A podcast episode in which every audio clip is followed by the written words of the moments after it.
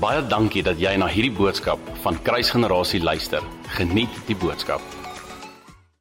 Kom ek begin met die woord. So ek wil julle uitnooi, gaan saam met my na Openbaring 3 vers 1 tot 6 toe asseblief.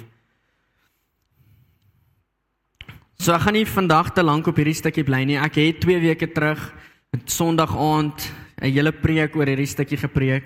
Maar ek het gevoel hoe die Here terwyl ek voorberei hierdie week my net weer eens uitnooi. Okay, deel net 'n stuk van hierdie want 20% nee 10% van julle wat vandag hier so is was daar. So as julle dit vandag hoor, hopelik kommunikeer ek dit beter as laas keer dat daar iets nuuts vir julle uitstaan. Maar vir die res van die family, ek wil julle uitnooi om vir 'n oomblik gou saam met my te kyk na wat Jesus hierso deel. So Jesus kom na die disipel Johannes toe wat op die eiland Patmos is en hy skryf in die boek van Openbaring wat 'n openbaring van Jesus is. Kom deel hy met Johannes oor sewe kerke. Ons het al twee van hulle ken ons uit ons kop uit. Die een is het julle al baie gehoor en hierdie is wat ek het julle teen julle het kerk van Efese. Julle het julle eerste liefde verloor. Die laaste kerk, die sewende kerk, kom deel hy en weer eens skrifgie wat ons almal ken. Was jy maar net warm of was jy maar net koud? Maar omdat jy lou is, spoeg ek jou uit my mond uit. So hier is met twee kerke van die sewe wat hy kom deel. En ek wil by 'n derde een stil staan. Hoopelik word hierdie 'n meditasie in ons hart. Want hierdie kom 'n lyn ons kom sit ons net so in lyn wanneer ek hierna kyk in lyn met okay wat is God besig om te spreek en wat verwag hy van my as ek as deel van sy kerk en deel van sy liggaam om eienskappe te dra. So wanneer ek hierdie lees sien ek eienskappe van hom wat ek aan moet gaan werk want ek skiet baie kort. Is julle daar? Sy. Kom ek lees vir julle New King James version. And to the angel of the church in Sardis, he writes these things, saying, He who has the seven spirits of God and the seven stars, I know your works, that you have a name, that you are alive, but you are dead. Be watchful and be strengthened, the things which remains that are ready to die. For I have not found your works per- perfect before God. Remember therefore how you have received and heard Hold fast and repent. Therefore, if you will not watch, I will come upon you as a thief, and you will not know what hour I will come upon you. Verse 4. You have a few names, even in Sardis, who have not defiled their garments, and they shall walk with me in white, for they are worthy. He who overcome shall be clothed in white garment, and I will not blot out his name from the book of life, but I will confess his name before my Father and before his angels. He who has an ear to hear, let him hear what the Spirit says to the churches. Okay, kom ek staan net gou-gou by die konteks van hierdie stad stil. So Sardes was 'n baie ryk stad gewees.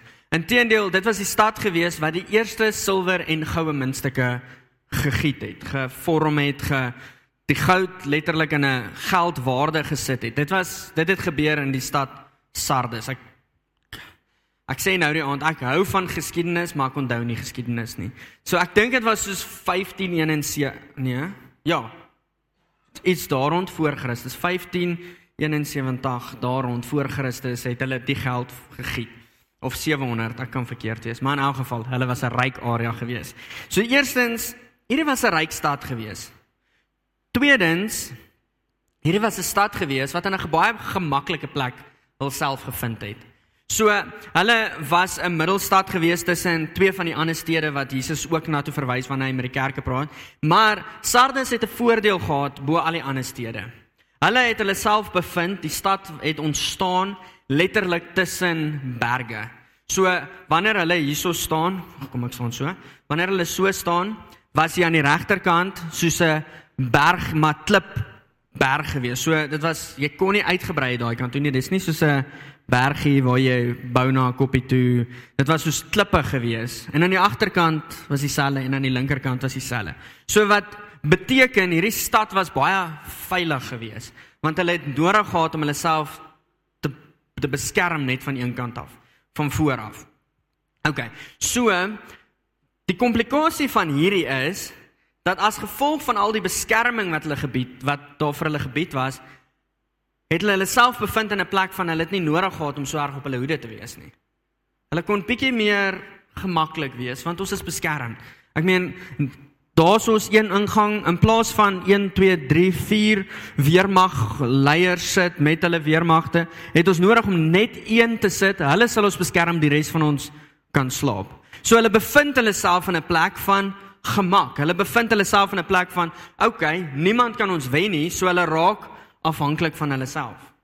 En Jesus kom en hy kom praat met die kerk van Sardes en hy sê vir hulle 'n hele klomp goedjies. Hy sê, um I know your works. Ek wie ek ken julle werke. Dat julle 'n naam het dat julle lewendig is, maar julle eintlik dood is. So is klomp goedjies in hierdie wat bydra tot wanneer jy kyk na die geskiedenis okay, hierdie maak sin. So die kerk van Sardes het as gevolg van hulle gemak en hulle afhanklikheid van hulle self was hulle twee keer in die verlede oorweldig deur ander konings gewees. Die een was koning King Cyrus gewees. Weerens kan nie die datum presies onthou nie. Ek dink dit was so 700 voor Christus of 200 voor Christus of 71. Dis nou al die datums wat aan my kop opkom. So dis een van daai. Voor Christus was hulle oorweldig geweest deur koning of was hulle oorgevat deur en aangeval en oorgevat deur koning King Cyrus. Ek dink is Cyrus in Afrikaans.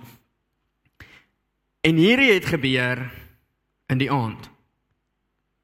In die aand toe hulle aan die slaap was, toe hulle oorweldig. Toe kom die koning val hulle aan net deur die een kant wat oop was. Het hulle hulle was hulle aan die slaap en die koning het hulle oorgevat. Weereens het dit gebeur 'n rukkie later nadat hulle weer okay, ons is ons eie stad toe hulle deur die Romeine oorgevat. Weereens dieselfde geval. Hulle het hulle self in gemak bevind aan die slaap geraak. Is julle nog met my? Praat so baie van slaap, julle moenie slaap nie asseblief. Wees wakker. Julle moet hierso wees. So hy kom en hy sê vir julle julle lyk lewendig, maar julle is nie. So laaste stukkie konteks rondom Sardes is weer eens in die geskiedenis was daar ehm um, natuurlike rampe gewees wat die stad totaal en al verwoes het. Boom. Stad is in vlarde en die Romeine help hulle om die stad te herbou, maar die herbou is nooit weer geherbou tot die waarde waar dit was nie. So kom ons lees nou weer hierdie. Ek het dit nou al twee keer gelees, 'n derde keer. I know your works that you have a name that you are alive but you are dead. Hulle is geherbou en hulle lyk lewendig, maar hulle is dood. Vers 2: Be watchful. Jesus is intentioneel. Wanneer hy spreek, spreek hy intentioneel. Hy praat nie coincidental nie. Be watchful. Wees waaksaam. Moenie slaap nie. And strengthen the things which remains. Dit wat jy nog het, beskerm dit. Wees waaksaam. Ek gaan so twee verse spring. Hy sê you have a few names even in Sardis who have not defiled their garments. So ek praat hier met 'n kerk en hy herinner hulle, okay, julle het eintlik 'n kleed gekry wat julle moet skoon hou, maar ongelukkig is daar net enkeles wat hulle self skoon gehou het. Die res van julle het maar geword soos wat die wêreld lyk. Die res van julle het net so aan die slaap geraak soos wat Sardis geraak het.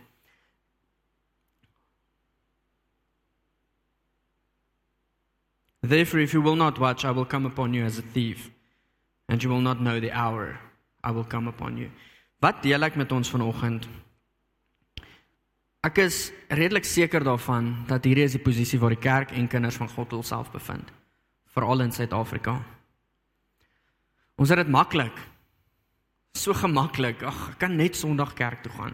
Ofwel een gebedsessie is dalk oukei. Okay. Maar ons het dit gemaklik. Ons bid nou op donderdag vir verskillende lande en ons het die afgelope week vir Afghanistan gebid en as ons Afghanistan noem is daar ons almal het iets te sê daaroor want soos dis gevaarlik daarso. Die kerk daarso is onder die 1%. Maar ek besef terwyl ons vir hulle bid, ons kan nie daai konklusie maak nie want die kerk mag nie bekend wees nie. Want hulle mag nie openlik aanbid nie. Maar ons mag openlik aanbid.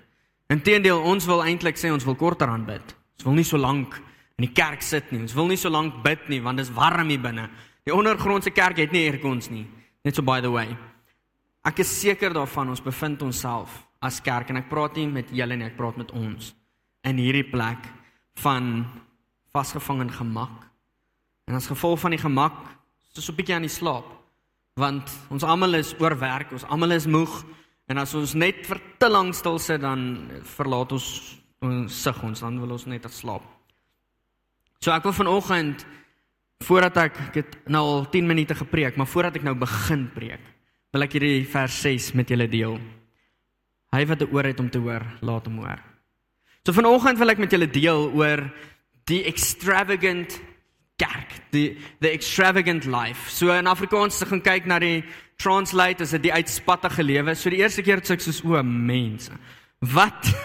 Maar my Afrikaans is nou nie so goed nie. So toe ek uitspattig, toe sê ek soos, "Ag, ek moet 'n ander topik kies want hierdie gaan nie werk nie." Maar wanneer mense gaan kyk na die extravagant lewe, is julle, julle is so 'n bietjie stil, is julle hierso. Amen. Ek gaan hoe hoe stiller julle raak, hoe hoër gaan my hand opgaan. Julle moet moet by wees. Ek wil nie hê julle moet slaap soos daai kerk geslaap het nie. 'n Uitspattige lewe. Wanneer ons gaan kyk na die definisie van extravagant, Dit beteken hulle ver, vergelyk dit eintlik met ouens wat geld het. So bietjie meer geld uitgee as wat nodig is. Wie van julle kyk hierdie nuwe storie? Dis nou sommer Marula Media vol ook uh die Real Housewives van Pretoria. Wie van julle kyk dit? O, niemand nie. Julle is oulike mense. Daar agter is nou bietjie mense wat eerlik is. En ek kyk na die mense en ek is soos ja nee, daai's uitspattige lewe. So bietjie meer as wat nodig is. Hulle ja, gaan bietjie te ver. So vanoggend wil ek met ons deel oor uitspattige lewe, extravagant life. En ek wil fokus juis op daai definisie van okay, so bietjie meer as wat nodig het. Is jy dankbaar God spreek nog vandag? Ek is dankbaar. Ek meen hy het gespreek oor mense hierso se lewens vanoggend. Hy het mense kom bemoedig hierso dat dat God vreugde herstel, dat God gesond maak. Hy spreek vandag nog. In die Nuwe Testament is daar die woord, julle het hierdie al gehoor. Die woord rema Wat beteken die gesproke woord van God? Die woord rema kom ook voor 'n klomp keer wanneer dit verwys na toe Jesus gepraat het en skepping het plaasgevind. So wanneer Jesus praat, is daar 'n ewigheid van skepping wat voorlê. Dis nie net hy het gepraat skepping het gebeur nie. In een woord is daar 'n ewigheid van skepping wat voorlê. So ek's dankbaar hy praat met my. Ek's dankbaar hy deel met my want dit beteken hy hoor wanneer ek met hom ook praat. En hy hoor wanneer ek nood het, Here, help my. Kom praat hy weer met my en hy kom bemoedig my en hy dra my deur. God still speaks. What are you doing when he speaks? Wasting his breath? Ek wil vanoggend jou hierdie vraag vra. Is jy besig om sy asem te mors?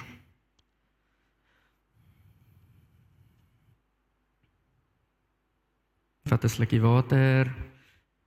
Wil jy met eintlik evalueer daaroor? Wanneer God met jou praat, wat is jy besig om te doen met dit?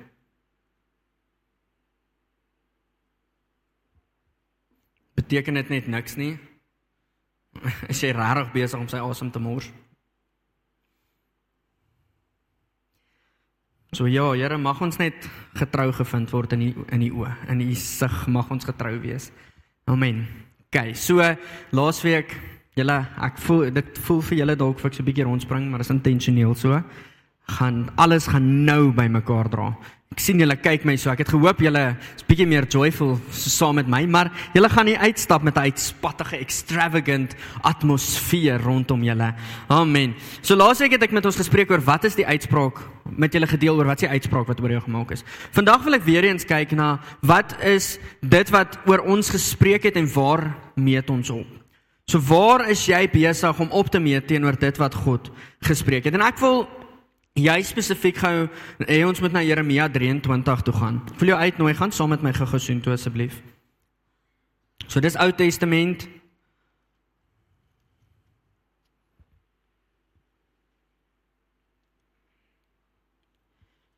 So in die week lees ek hierdie the branch of righteousness. Ek gaan van vers 5 af deel. En die profeet, God kom deel met die profeet. Hy sê behold, the days are coming says the Lord that I will raise to David a branch of righteousness.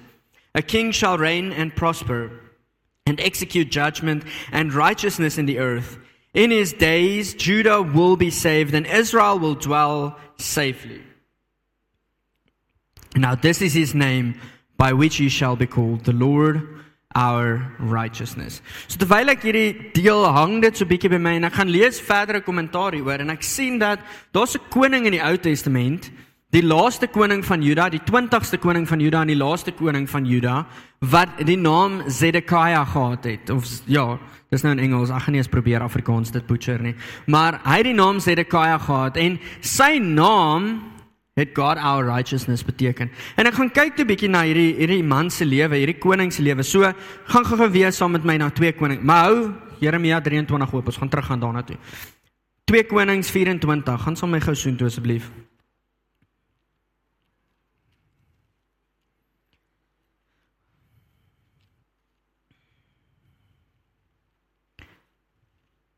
Tweede laaste hoofstuk van 2 Konings. In die hele ver boek van hoofstuk 23 sien ons die geslagte. Voordat ek by 24 stil, nee, ek gaan nou vir 23 toe gaan. 24. Ons sien in vers 17, then the king of Babylon made Mat Matania. Dit beteken dit was die ouetjie se naam, Zedekiah, dit was sy naam gewees. Wat beteken God's gift?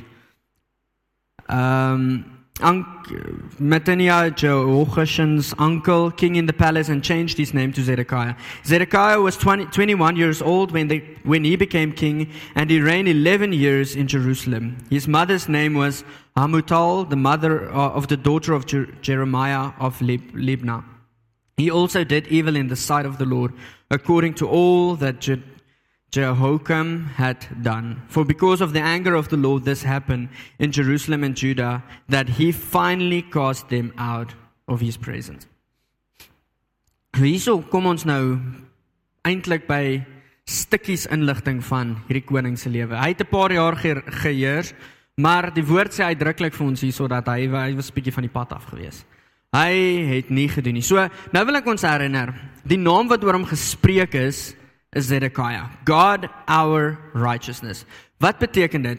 God ons regverdigheid. Hy staan in 'n posisie wat hy God se regverdigheid of geregtigheid moet uitbeeld aan die nasie. Hy's aangestel as 'n koning wat God se geregtigheid moet uitbeeld. Wat uit moet beeld dat ons God is 'n regverdige God. Hierdie is sy standaard. Hy is 'n heilige God. Niks van hom is uit lyn uit nie. Alles van hom is presies in lyn soos wat die Vader dit wil hê. Maar intedeel, waar bevind hy homself? In 'n plek wat hy heeltemal teenoorgestelde doen. He also did evil in the sight of the Lord according to all that sy daai ander Kobus gedoen het. In vers ag hoofstuk 31 vers ag hoofstuk 23 vers 31 sien ons wat het die ander man ook verkeerd gedoen en hy of nee, ekskuus, ekskuus julle. Dit is 24 vanaf vers 1 tot 5, 4. sien ons dat Surely at the commandment of the Lord this came upon Judah to remove them from his sight because of the sins of all Manasseh done and also because of the innocent blood that had been shed for he had filled Jerusalem with innocent blood which the Lord would not pardon. Okay. So hierso word eintlik 'n klomp konteks gedeel wat ek tot die beste van my vermoë probeer kommunikeer. Hy val in 'n struik wat almal voor hom ook eintlik gedoen het. Drie konings voor hom was daar 'n koning met die naam Jos Josia gewees wat nou weer 'n fantastiese koning was. Hierdie koning het letterlik al die afgode verwyder.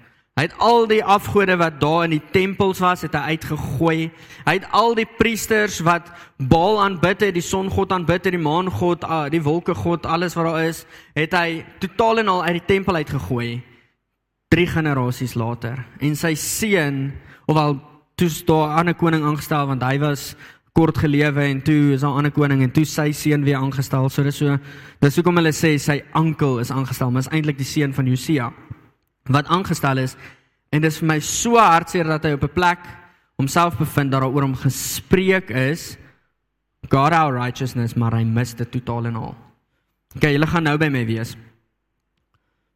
Het God nie gesê hy spreek in uh, Jesaja 1:43 vers 1 dat hy roep ons by ons naam nie? Hy spreek 'n naam oor ons, so hy roep ons by ons naam. So daar's value in ons name. Dis hoekom ek vir 'n oomblik hamer daarop. God our righteousness, dis sy naam, maar sy aksies mis dit. Voor die tyd het ek vir ons gevra, "Waarom eet jy jouself op?" volgens dit wat God oor jou gespreek het. En wat so amazing is, God het nie oor my en Alwyn dieselfde ding gespreek nie.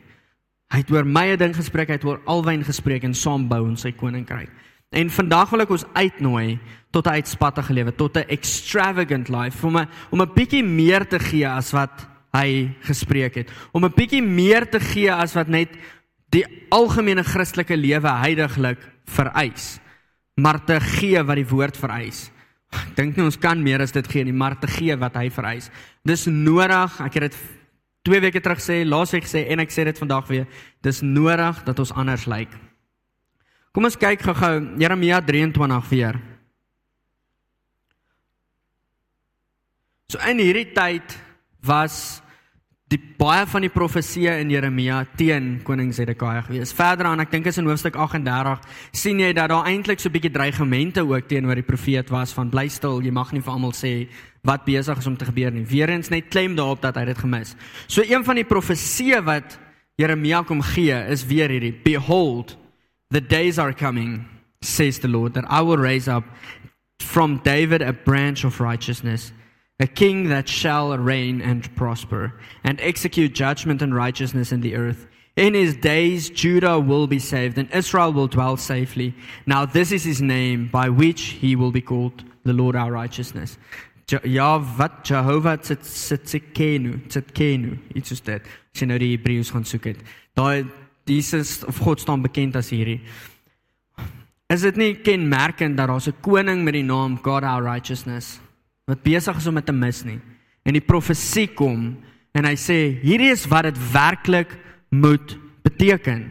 Daar gaan 'n koning wees wat heers. Hy gaan dit nie mis nie. Hy gaan prosper. Hy sal judgment execute. Oral waar hy gaan, sal righteousness gesien word. In his days Judah will be saved. So ons het nou net gelees. Is julle nog met my? Ek weet daai was nou so 'n bietjie van 'n kon sommer in die atmosfeer voel. Dit was so op en af gewees, maar julle gaan nou met my wees. Die koning was die laaste koning gewees wat eventually uit God se teenwoordigheid uitgegooi is. Cast him. Ek sien die woord cast as gooi. Ek sien eintlik die prentjie van God was soos dis nou klaar. Laaste koning van Juda wat geroep is as God ons regverdigheid het gemaak dat Juda daarso afsterf. Dat praise die naam Juda pra beteken praise dat die volk eintlik totaal maar daarso afgesny word as gevolg van die totale ongeregtigheid. Ons sien dit in Romeine ook dat daar gaan 'n tyd kom wat okay, gaan nou maar net, gee jou oor. Hierdie profesie kom dui ons weer daaraan, maar wanneer hierdie koning heers wat opstaan as waarvoor hy geroep word, In his days Judah will be saved. Wat as die koning wat hierso was, koning Zedekia, opgestaan het soos wat hy moes, sou 'n nasie gered geword het. So wanneer ons opleef tot wat God oor ons spreek, by ons dra ons by tot die nasie wat gered gaan word. Maar wanneer ons nie op, opstaan en leef volgens dit wat die koning spreek nie, is daar 'n moontlikheid, dis 'n vraag, dis nie 'n stelling nie, dat ons maak dat die nasie uitsterf of dat die nasie stop. OK. Wat beteken God our righteousness? Jesus kom stel net vir ons 'n mooi standaard. 1 Petrus 2 vers 22 sê he committed no sins and no deceit was found in him. Wat dit waarlik beteken om regverdig en geregtig te wees. Openbaring 5 vers 12. He alone is worthy to die for the sins of all mankind. Laaste man na wie ek wil kyk. Voordat ek na hierdie man kyk, wil ek regtig net gou oor kommunikeer. Ek het nou gekyk na twee mense, altyd Jesus, want hy's altyd reg, en ek het gekyk na 'n koning wat dieselfde naam gegee is wat dit gemis het. Wat nooi ek ons uit toe? Die oomblik wanneer ons extravagant lewe gee meer as wat daar verwag word of selfs net gee as wat verwag word, is daar is daar uitbreiding wat gebeur. Is daar 'n 'n well-pleasing wat gebeur? Is daar 'n 'n nasie wat gered sal word? Is daar geregtigheid en regverdigheid wat ge-establish word? Maar wanneer daar nie opgetree word volgens dit wat gespreek is nie. OK, God het gespreek, ek het sy asem gemors. Ek worry nie wat hy oor my spreek nie. Skielik gaan 'n nasie teen gronde, sy koninkryk sukkel. Sy koninkryk word nie uitgebrei nie. Ek hou van wat Rory Dyer sê. Hy sê the church has been thrown to the dogs many times but every time the dogs died. Ek is so dankbaar daarvoor. Die kerk sal daarom nie uitsterf nie want hy bou die kerk.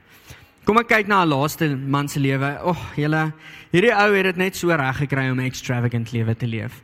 Hy ons het al almal hierdie storie gehoor, so maak ek my Bybel toe. 2 Samuel 6. So bewaar julle hart wanneer ons nou weer sy storie luister. Maar dit is so lekker om te gaan kyk oor en oor en oor na hoe die mense dit reg gedoen het. Hierdie is 'n man wat naby aan God se hart was.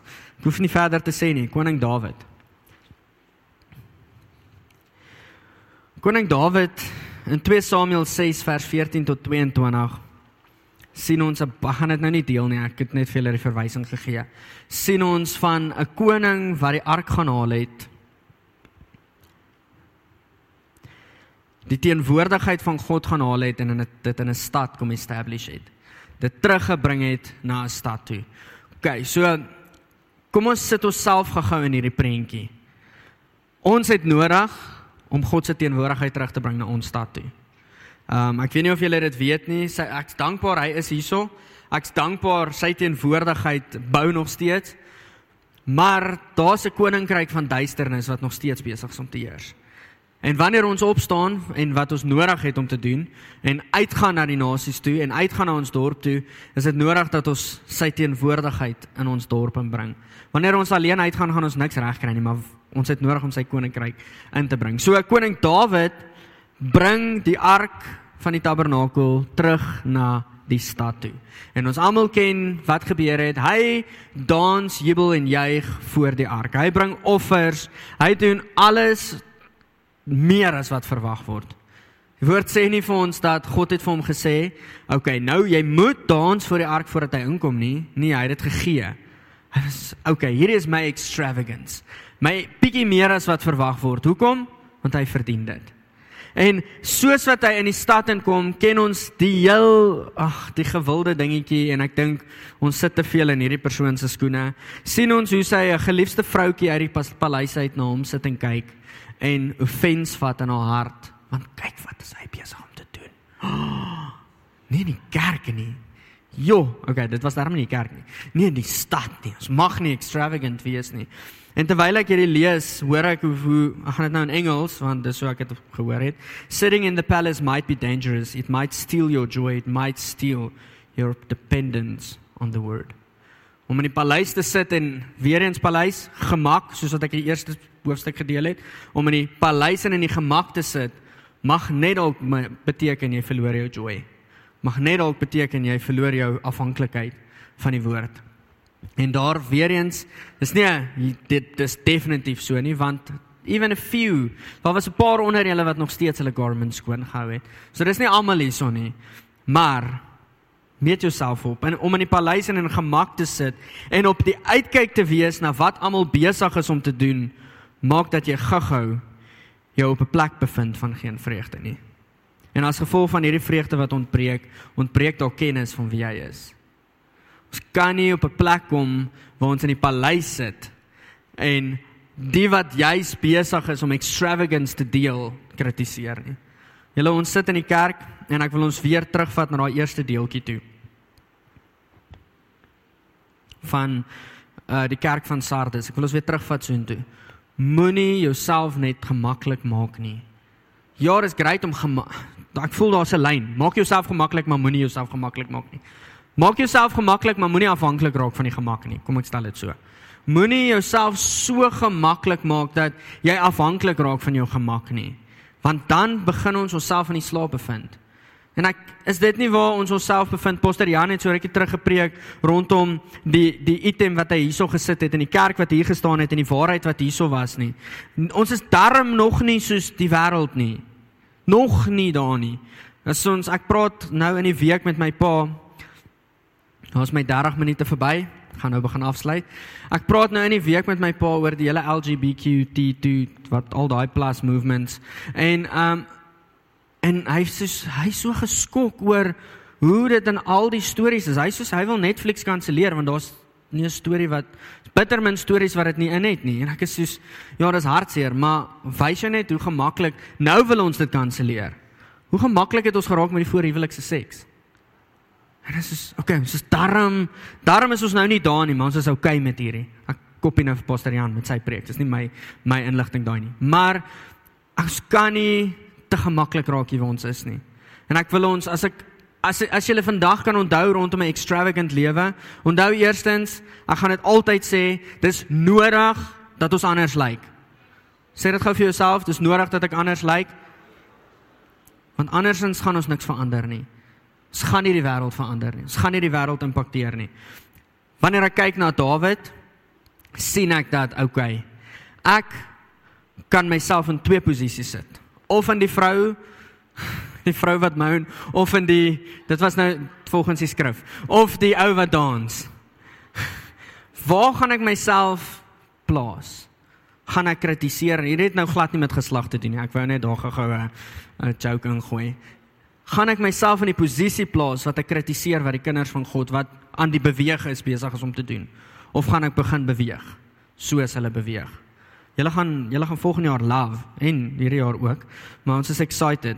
En dan ook weer eens net om dit op te som, wanneer ons kyk na God our righteousness, daar's soveel vergelykings in die Ou Testament, wel in die woord waar daar 'n koning is wat 'n naam gegee is en hy dit gemis is, gemis het en waar Jesus gekom het en vir ons die standaard gelig het. En is nodig dat ons onsself in die plek sit van okay, ons lig die standaard. Is jy besig om die standaard te lig daar waar jy gaan? Is jy besig om 'n extravagant lewe te leef, 'n uitspattige lewe te leef, om over the top te gaan, bietjie meer te gee as wat net nodig is? Baie dankie dat jy na hierdie podcast geluister het. Indien jy die boodskap geniet het, deel hom asseblief met jou vriende.